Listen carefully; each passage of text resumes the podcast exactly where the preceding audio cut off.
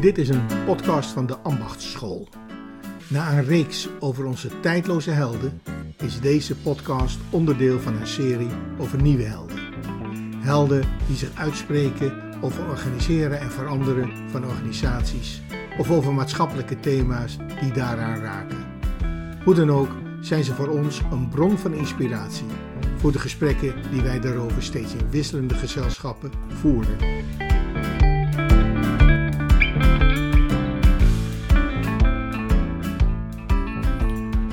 Nou, welkom allebei bij de podcast over diagnose. Uh, Odette, uh, jij was degene die uh, het, ehm, het punt op de agenda zette. Jij zei dat lijkt me wel een leuk onderwerp voor een podcast. Ja, ja. Hey, Danielle zit hier ook, hè? Danielle van D. en Jaap van het Hek. En ikzelf, Odette Moeskos, allemaal verbonden in de ambachtschool. We maken nu dan podcasten met elkaar over onderwerpen die ons ja, treffen, fascineren, puzzelen. En bij mij was de aanleiding voor diagnose dat ik eigenlijk merk in mijn omgeving dat het steeds minder vanzelfsprekend lijkt te worden diagnose te mogen stellen of te kunnen stellen. En dat ook lang niet alle professionals die ik tegenkom het vanzelfsprekend vinden dat je, je, ja, dat je een diagnose stelt. Dus dat was echt de aanleiding. En uh, nou ja, jullie zijn op de uitnodiging ingegaan om daar met elkaar over van gedachten te wisselen. En ja, ik zelf, weet je, ik heb zelf in de voorbereiding nagedacht over wat doe ik eigenlijk zelf. En het andere, ik heb ook even ja, gedacht over, ja, wat komt mij nou, uh, wat schiet mij nou te binnen aan, uh, aan literatuur of aan geschiedenis op het gebied van organisatieontwikkeling uh, over dat onderwerp. Daniel, maak jij dat ook mee? Nou, bij mij komt gelijk als ik Odette wil praten de vraag naar boven, wat is een diagnose? Ja, terecht. Um, ja, ik, ik zat, kijk, ik, ik zat ook in de voorbereiding uh, wat te kijken. Ik, ik ben natuurlijk vanuit de Appreciative Inquiry heel erg opgeleid met de gedachte van uh, Inquiry is Intervention. Dus ik, ik en, en dat is dan meer, zeg maar, wetenschappelijk, hè, sociaal-constructionistisch. En vervolgens heb je dan natuurlijk een praktische toepassing daarvan. En het hele debat, waar ik dan half tussen hang, tussen diagnostic en dialogic OD, als we het hebben over organisatieontwikkeling. En dan heb je vervolgens denk ik inderdaad ook van hoe, hoe zit je zelf in dat spel? Ik bedoel, wat, wat betekent diagnose voor mij? Um, dus het is nogal een gelaagd onderwerp. Ik vind het wel een heel erg interessant onderwerp. Maar voor mij begint het inderdaad, is, gaat het debat al over wat, wat is een diagnose? En nou ja, er zijn natuurlijk allerlei dan vragen over wie stelt dan die diagnose, enzovoort, enzovoort. Um, dus ik kan er op allerlei verschillende manieren. Eh, nou ja, ik, ik had iets soortgelijks. Uh, ik, ik had eigenlijk de vraag: zou het überhaupt kunnen zonder diagnose? dus misschien is hij wel niet al te formeel of expliciet of uh, goed ingericht of wat dan ook. Maar je kunt toch moeilijk aan de gang gaan zonder enig idee in je hoofd over wat je aan het doen bent.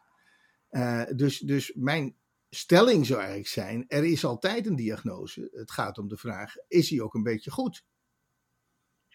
Nou, dan vind ik de vraag goed, uh, of de, het woord goed wel weer moeilijk. um, wat is goed? Nou, weet je, Jaap, wij hadden net even een kort uh, voorgesprekje. En uh, toen hebben we het gehad over hoe goed beheersen wij ons gids eigenlijk. En toen kwamen we tot de conclusie: geen van drieën. Maar gelukkig is er Wikipedia. En wat zegt hij, en een woordenboek, wat zegt hij over diagnose? Dat uh, diagnose letterlijk betekent ergens doorheen kijken. En dat uh, gnose betekent kennis, inzicht. En waarbij inzicht ook zelfkennis is. Wat je zou kunnen opvatten als uh, weten wanneer jij het niet zelf op kunt lossen. Of wanneer jij het niet zelf weet. En dia er doorheen kijken. Ik vond het eigenlijk wel mooi om even naar zoiets terug te gaan. Want het betekent dus eigenlijk kennis om ergens doorheen te kunnen kijken kennis of überhaupt ergens doorheen kijken en dan kennis ontwikkelen? Dat, dat is een interessante, want kijk, Wikipedia heeft natuurlijk niet het verlossende antwoord op dit gebied. Dat is een interessante. En hoezo kijken? Waarmee kijk je dan eigenlijk? Is dan de vraag die bij mij reist. Hè? Wat is dan je beeld? Heb je dan een soort beeld van uh, dat je denkt, zo gaat het goed ergens of goed genoeg ergens? Nou, dat soort vragen. Ja, en eigenlijk zijn het dus twee dingen. Het is de kennis die je opdoet in de diagnose. En het is de kennis die je nodig hebt voor de diagnose. Volgens mij was dat de vraag van Daniel. En wie is je? De actor. Nee, maar dat zijn al, al die woorden, zit ik daar niet aan kijken van, want, want jullie praten vanuit het perspectief van de adviseur, denk ik dan, hè? Ja, Ja. jij? Ehm, niet per se. Niet per se. Nee, maar dat is dus, eh, er zitten hier allerlei laagjes in van ehm, waar, wat is dat ergens waar je doorheen kijkt? Wie doet dat?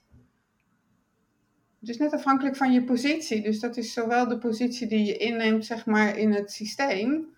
eh, maar ook eh, hoe je denkt over de, nou ja, de, de realiteit. Snap wat ik bedoel? Als je hem, als je hem heel, heel, ehm, heel extreem pakt, of als je twee extremen zou pakken, dan heb je aan de ene kant, hè, en ik, ik gebruik dat boek van eh, Organization Development en dan het proces van organisatieontwikkeling, waar je de eh, entry, contracting, eh, data gathering, di- diagnosis enzovoort hebt. Hè.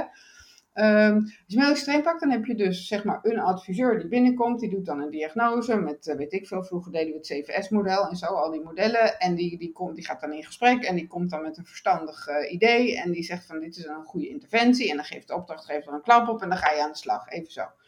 Ehm, maar een heel ander extreem is van er is sowieso geen, geen echte vaste realiteit. It, all matters. Hè? Het is, eh, er zijn heel veel verschillende manieren van betekenisgeving. En wie, wie ben jij dan om daar iets eh, specifieks van te vinden?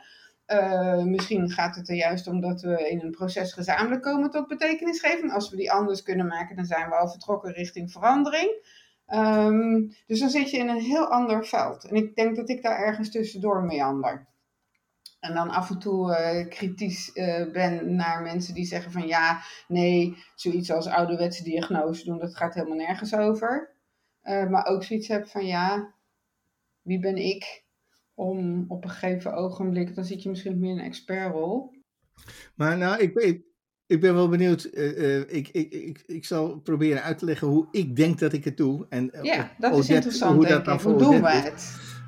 Mijn neiging is om te denken dat ik een diagnose doe. Als adviseur. Dat wil zeggen dat ik probeer chocola te maken van wat ik aantref. Wat is hier aan de hand en, en waarom gaat het zoals het gaat? Ehm, en dat ik dat eh, op zichzelf heel belangrijk vind voor mezelf als vertrekpunt. Eh, maar dat ik vervolgens eh, ook altijd iets probeer te doen. waardoor de mensen die deel uitmaken van het systeem, of die ervan zijn of iets dergelijks, zelf een diagnose maken. Eh, zelf tot beelden en inzichten en weet ik veel wat komen van wat er aan de hand is. En ik merk dat ik stiekem dan in mijn hoofd heb dat ik wel even check of het klopt bij wat ik ook had gedacht, zeg maar.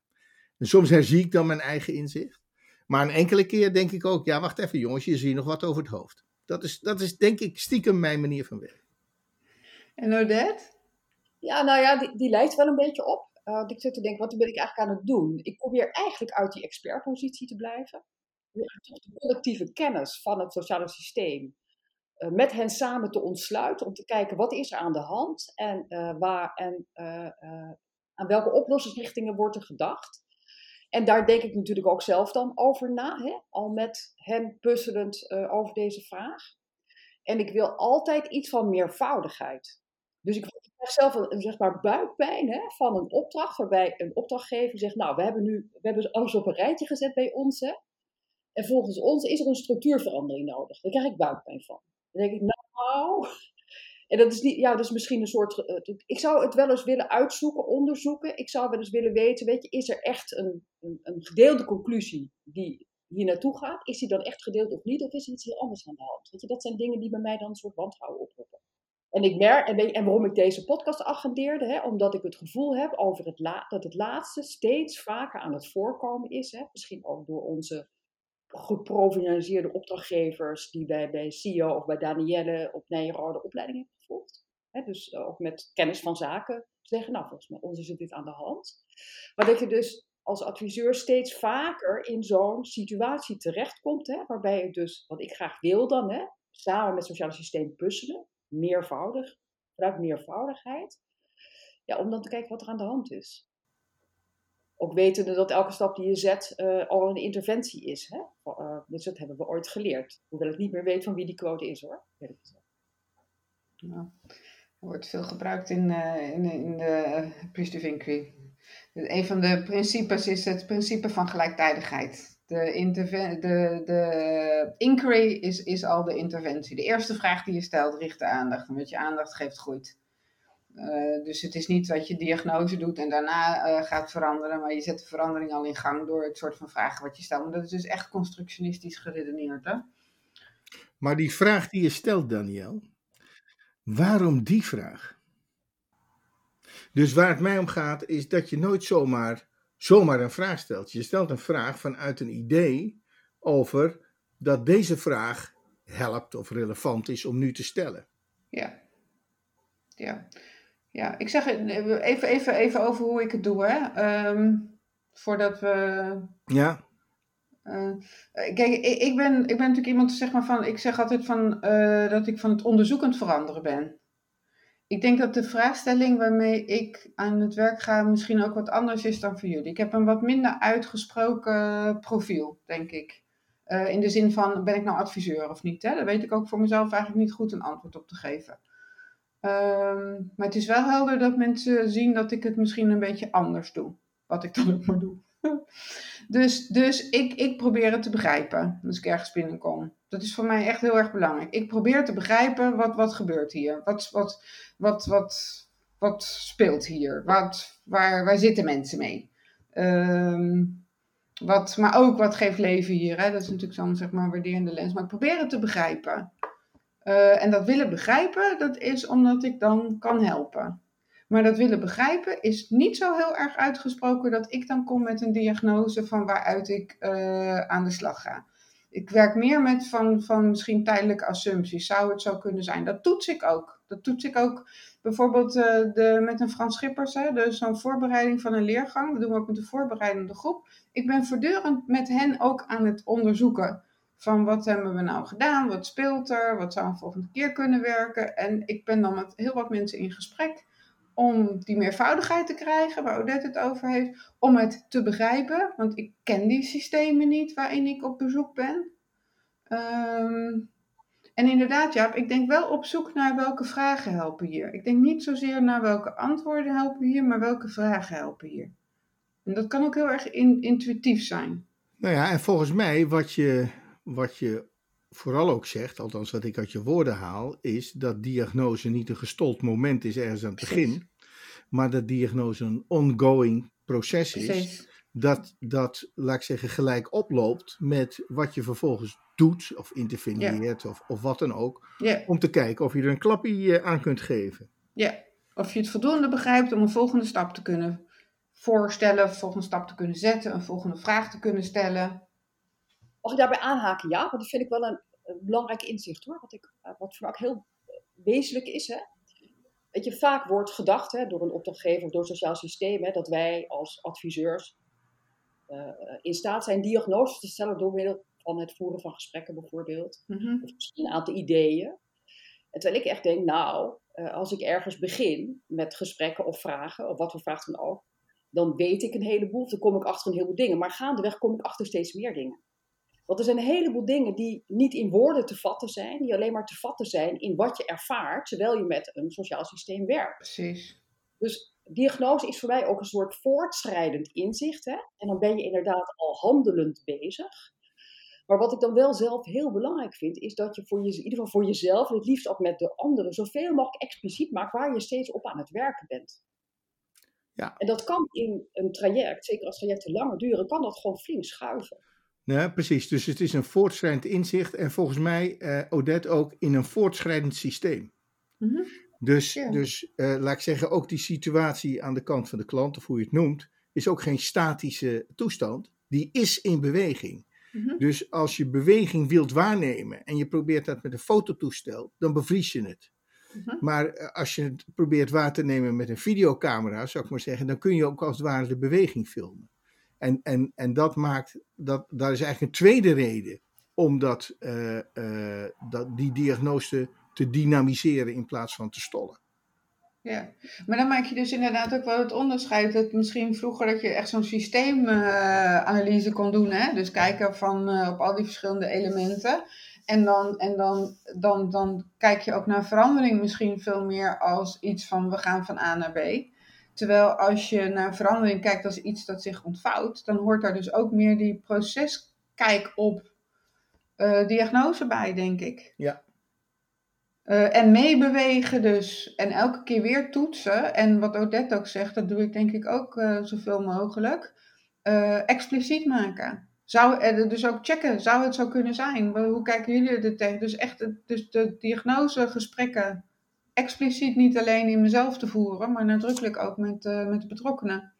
Uh, er is nog een component hè, dat ik eigenlijk heel erg uh, het sociaal systeem zelf vertrouw hè, in hun intelligentie, zal ik ja. zeggen. Ja. Ik ga eigenlijk het uit, uit van dat, dat je met hen samen wel tot een goed plan, idee, aanpak zal kunnen komen. Ik ga dus niet uit van wantrouwen. Oh, ik wel. Gaandeweg blijken dat dat vertrouwen niet terecht is. Hè? Ja, begint me hard uit te lachen nu. Ja, ik ben met jou eens hoor, Odette. Ik ga ook niet uit van wantrouwen. Ik moet lachen omdat Jaap zo uitgesproken zegt dat hij er wel van uitgaat. Nou, ik wil even provoceren. Kijk, mijn, mijn neiging is om te zeggen... Kijk, als ze het allemaal zo goed hadden gezien... dan hadden ze uh, jou helemaal niet nodig gehad. Oh, oh, dus... oh dat op, ja. Oh, kijk. Nee, dat vind ik ook niet. Dat vind ik niet waar. Odette, wat vind jij? Nee, ja. Nou ja, als ik niet mag uitpraten, dan. Uh, Praat uit. Gaan jullie Praat dan uit, maar. Ja. Praat uit. nou, kijk, waar, waar, het mij om gaat is dat ik wel een soort basisvertrekpunt heb hierbij. Dat um, dikwijls in het klantsysteem er al geweldig iets is geprobeerd vanuit een bepaald perspectief. En dat dat perspectief uh, uh, ze uiteindelijk niet geholpen heeft. of, of daar zijn ze op doodgelopen of vastgelopen of wat dan ook dan halen ze er een externe bij. En wat ik dan ook bijna altijd denk, is dat het perspectief, wat zij, hoe zij denken dat het zit, dat dat waarschijnlijk niet zo erg werkbaar is. Los van de vraag of het waar is, maar gewoon werkbaar. Uh, dus dan ben ik geneigd te zeggen: zullen we eens naar heel iets anders kijken en hoe het daar zit. En dan is er een kans dat je dan precies de blinde vlek aanroert die het systeem heeft. dus daar zit ook mijn wantrouwen over dat systeem. Dat heeft namelijk blinde vlekken. Uh, en ik probeer die er als het ware in het systeem te brengen, om vervolgens te zeggen: en als je zo kijkt, wat zie je dan? Ja, even een kort antwoord van mij. Hè? Um, ik, ik, ben natuurlijk ook een stukje opgevoed door uh, André Weertsma. En, en, en, wat we vroeger deden op Nijrode rond de lerende organisatie, waar organisaties kwamen als meer van hetzelfde niet werkt, hè? dat idee. Um, ik, ik ben toch wel geneigd om het grotendeels eens te zijn met Odette dat de intelligentie wel degelijk in de organisatie zit, maar dat, dat misschien het perspectief wat dominant is, dus dan krijgen we politiek en macht, uh, dat dat niet erg behulpzaam is, maar dat die andere perspectieven, die, die wel degelijk, uh, de marginalized voices, de stemmen die niet gehoord worden, dat als je die helpt om meer ruimte te geven, dat wel degelijk die intelligentie er is. Anders zou ik geen actieonderzoeker kunnen zijn ook, hè? Want dan, dan, dat is ook aansluiten bij de kennis die er is.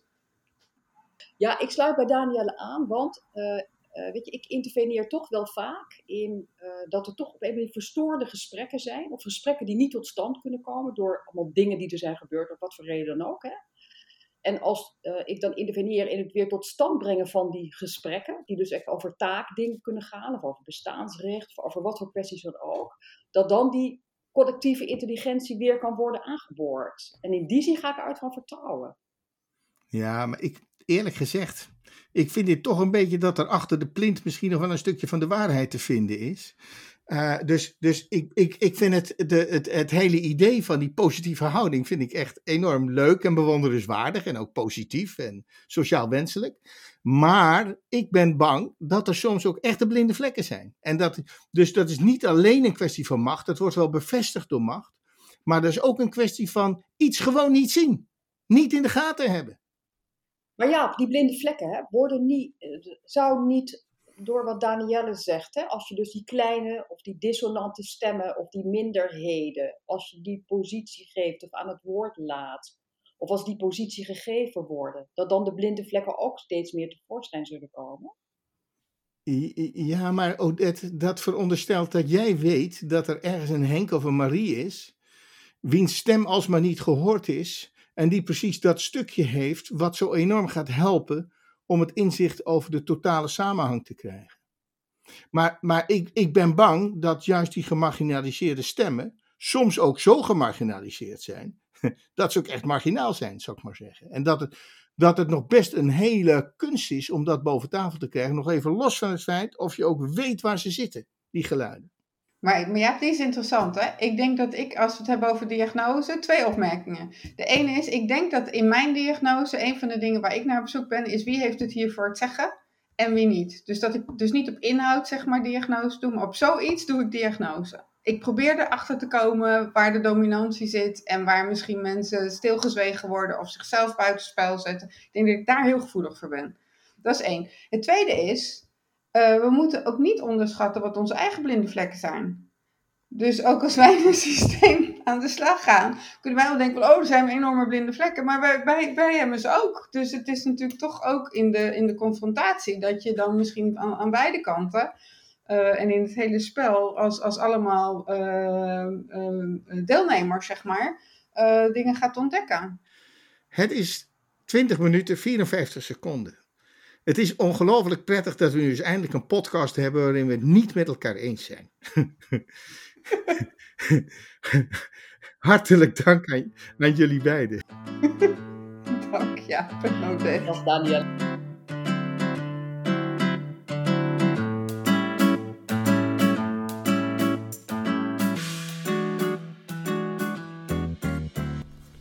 Dit was een podcast van de Ambachtschool over nieuwe helden. We hopen dat het luisteren je op nieuwe gedachten heeft gebracht. Wil je meer weten? Kijk eens op ambachtschool.org of luister naar onze andere podcasts op Spotify of op Apple. Hartelijk dank voor het luisteren.